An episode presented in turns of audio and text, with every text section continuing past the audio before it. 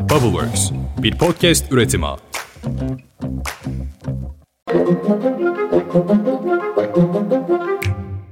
Günaydın. Bugün 23 Mart 2023. Ben Özlem Gürses. Bubbleworks Media ve Pushholder ile birlikte hazırladığımız 5 dakikada dünya gündemine hepiniz hoş geldiniz. Bugün Merkez Bankası para politikaları faiz kararını açıklayacak. Ama hiçbir önemi kalmadı değil mi faizin? Hele ki epistemiyolojik kopuştan sonra. Neyse biz işimize bakalım.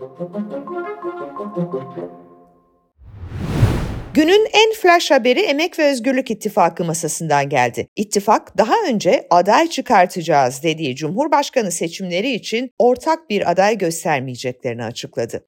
Ülkede demokrasinin, temel hak ve özgürlüklerin, toplumsal adaletin gerçekleşmesi için yoksulluğa, yolsuzluğa, talana ve ranta dayalı bir yönetimi sürdürmüş olan bu iktidardan büyük tahribatın sorumlularından hesap sorma konusunda oldukça kararlıyız.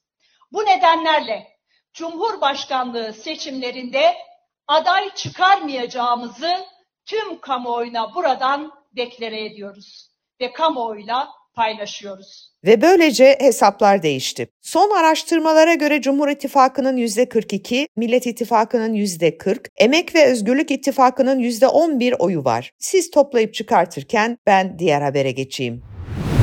Anayasa Mahkemesi HDP'nin davasını seçim sonrasına erteleme talebini reddetti. Hatırlayacaksınız 2021 yılında HDP'ye bir kapatma davası açılmıştı ve HDP yöneticileri bu dava kapsamında 11 Nisan'da savunma vereceklerdi. Fakat HDP yönetimi seçimlere yetişmeyeceği gerekçesiyle davanın ertelenmesini istemişti. Bugün Anayasa Mahkemesi bu erteleme talebini reddettiğini açıkladı. Bu durumda 11 Nisan'da bu savunma verilecek. Sonra da raportör karar için mütalasını yazacak. Dün İyi Parti'nin grup toplantısı vardı. Genel Başkan Meral Akşener özellikle Sinan Ateş suikastine ilişkin çok sert konuştu. Sinan Ateş'in katillerini biz bulacağız. Emir vereni de, emir verenleri de, o işi planlayanları da, bu dümeni yapanları da biz bulacağız ve cezalandıracağız. Deprem sürecinde Hatay'ın sesini duyuran eski futbolcu Gökhan Zan'la Trabzonspor'un eski kaptanlarından efsane oyuncu Ünal Karaman da İyi Parti'ye katıldılar. Toplantının ardından İyi Parti vekili Yavuz Ağar Alioğlu bir basın toplantısı düzenledi ve o da çok sert konuştu. Söylüyorum ki HDP'nin içine dahil olduğu bir denklemde defalarca ifade ettik. Hem genel başkanımızın merkezine kendi iradesini koyduğu hem de o irade üzerinden benim de irademi beyan ettiğim defalarca açıklamam oldu. Biz terörün gölgesinin düştüğü yerde olmayız. Biz terörü memleketin en şerefli makamlarının seçileceği iklimlerin içerisinde bir pazarlık vesilesi yapmayız. Dedik mi? Dedik. Duydunuz işte İyi Parti'nin içinde ve masaya dönük ciddi tartışmalar olsa da Millet İttifakı yoluna devam ediyor. İttifak 6 genel başkanın imzaladığı protokolünü YSK'ya yani Yüksek Seçim Kurulu'na sundu. Partiler 8 Nisan'a kadar ittifaklarda değişiklik yapabilecek. 10 Nisan'da aday listeleri teslim edilecek. Millet İttifakı'nın 6 partisinin genel başkan yardımcıları Kemal Kılıçdaroğlu'nun adaylık dosyasını Yüksek Seçim Kurulu'na teslim etti. Bugün Millet İttifakı'nın sayın üyeleriyle e, birlikte Yüksek Seçim Kurulu'na geldik. Sayın Saadet Partisi Bülent Kaya, Deva Partisi Medeni Yılmaz, Gelecek Partisi Selçuk Özdağ, Ayhan Sefer Üstün, Demokrat Parti Cemal Engin Yurt. Birlikte Türkiye Cumhuriyeti'nin 13. Cumhurbaşkanı Sayın Kemal Kılıçdaroğlu'nun adaylık başvurusunu gerçekleştirdik. Muharrem İnce ne yapacak? Herkesin yanıtını en çok merak ettiği soru bu. Memleket Partisi'nin Genel Başkanı İnce dün katıldığı ve rekor izlenme alan Teke Tek programında sonuna kadar mücadele edeceğini ve yarıştan çekilmeyeceğini açıklamıştı. İnce gelin Türkiye İttifakı kuralım diyor, üçüncü yolu öneriyor. Biz insanlara üçüncü bir yol öneriyoruz. Bir seçenek sunuyoruz. Bir üçüncü yol. Yani diyoruz ki milletimize bir ihtimal daha var diyoruz. Bir ihtimal daha var. Onun için bütün milletimizi pazartesi günü saat 20'ye kadar sandık başına gitmeye, seçim kuruluna gitmeye davet ediyorum. İmza vermeye davet ediyorum. Muharrem İnce son düzlükte ne yapar inanın ben de bilemiyorum ama Kemal Kılıçdaroğlu Memleket Partisi'ni ziyaret programına aldı. Kılıçdaroğlu arkadaşlarım takvim çalışıyorlar elbette Memleket Partisi'ne de gideceğim dedi. Merak edilen isimlerden biri de eski bakan Berat Albayrak. Uzun zamandır piyasada yok. Trabzon'da çıkan bir yerel gazete Albayrak'ın aday olmayacağını öne sürdü. Cumhurbaşkanı ve AK Parti Genel Başkanı Erdoğan'ın Trabzon'daki listeye ilişkin Faruk Özak ve Asim Aykan'dan bilgi aldığını öne sürüyor bu yerel gazeteci ve yazısında Berat Albayrak'ın aday olması istendiğini ama kendisinin bu yoğun teklifleri kabul etmediğini yazıyor. Tam cümleler şöyle: Başkent semalarından bize ulaşan son siyasi kulislere göre Trabzon'da listenin ilk sırasına Mustafa Varank geliyor. Berat Albayrak ise Trabzon'la ilgili teklifleri reddediyor, milletvekilliği istemiyor. Biz yazanın yalancısıyız.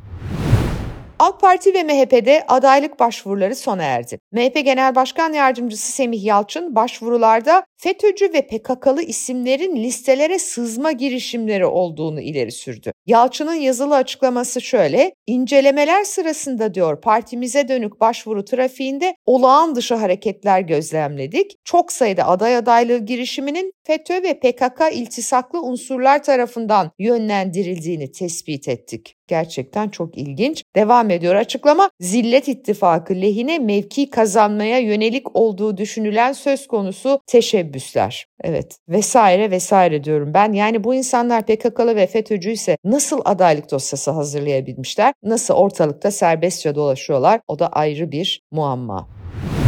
Çalışma ve Sosyal Güvenlik Bakanı Vedat Bilgin'le Türkiye Emekliler Derneği TÜED Genel Başkanı Kazım Ergun dernek merkezinde dün bir araya geldiler. Emeklilerin talepleri var biliyorsunuz. Bakan Vedat Bilgin en düşük emekli aylığı ve bayram ikramiyelerini yükseltecek alternatif modeller üzerine çalıştıklarını söyledi. Söylediğim sebeplerde bugün e, belirtiyorum. Bu çalışmaları, alternatif çalışmaları yani en düşük emekli e, maaşını e, yükseltecek alternatif modellerimiz var. Bunun yanında işte emeklilerin aldığı bayram ikramiyeleri var. Bütün bunları birlikte değerlendiren alternatif bir e, çalışmamız var.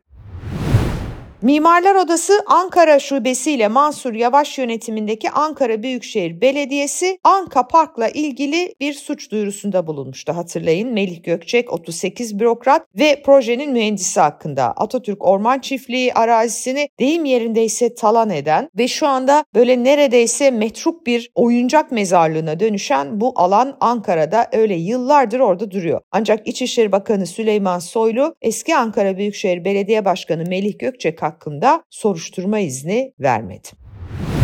RİTÜK Radyo ve Televizyon Üst Kurulu yine ceza yağdırdı. Halk TV ve Show TV'ye beşer kez yayın ve program durdurma ve üst sınırdan idari para cezası verildi. Fox TV'ye gerçeklik ve doğruluk ilkelerinin ihlal edildiği, ayrıca Habertürk TV'ye de yayında küfür dile getirildiği gerekçesiyle idari para cezası uygulandı. Tabii ki Tele1'de nasibini aldı, Tele1'e de yine idari para cezası geldi.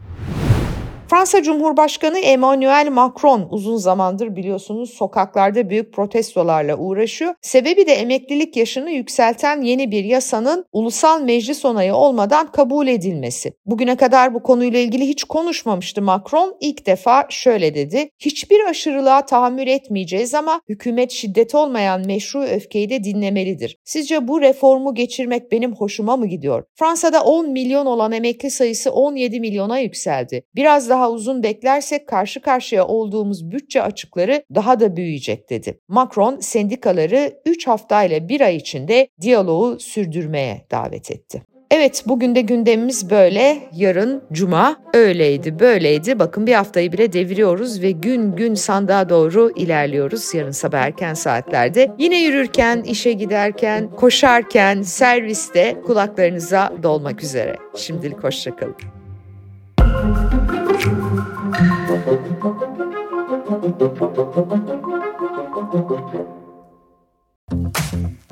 Bubbleworks, bir podcast üretimi.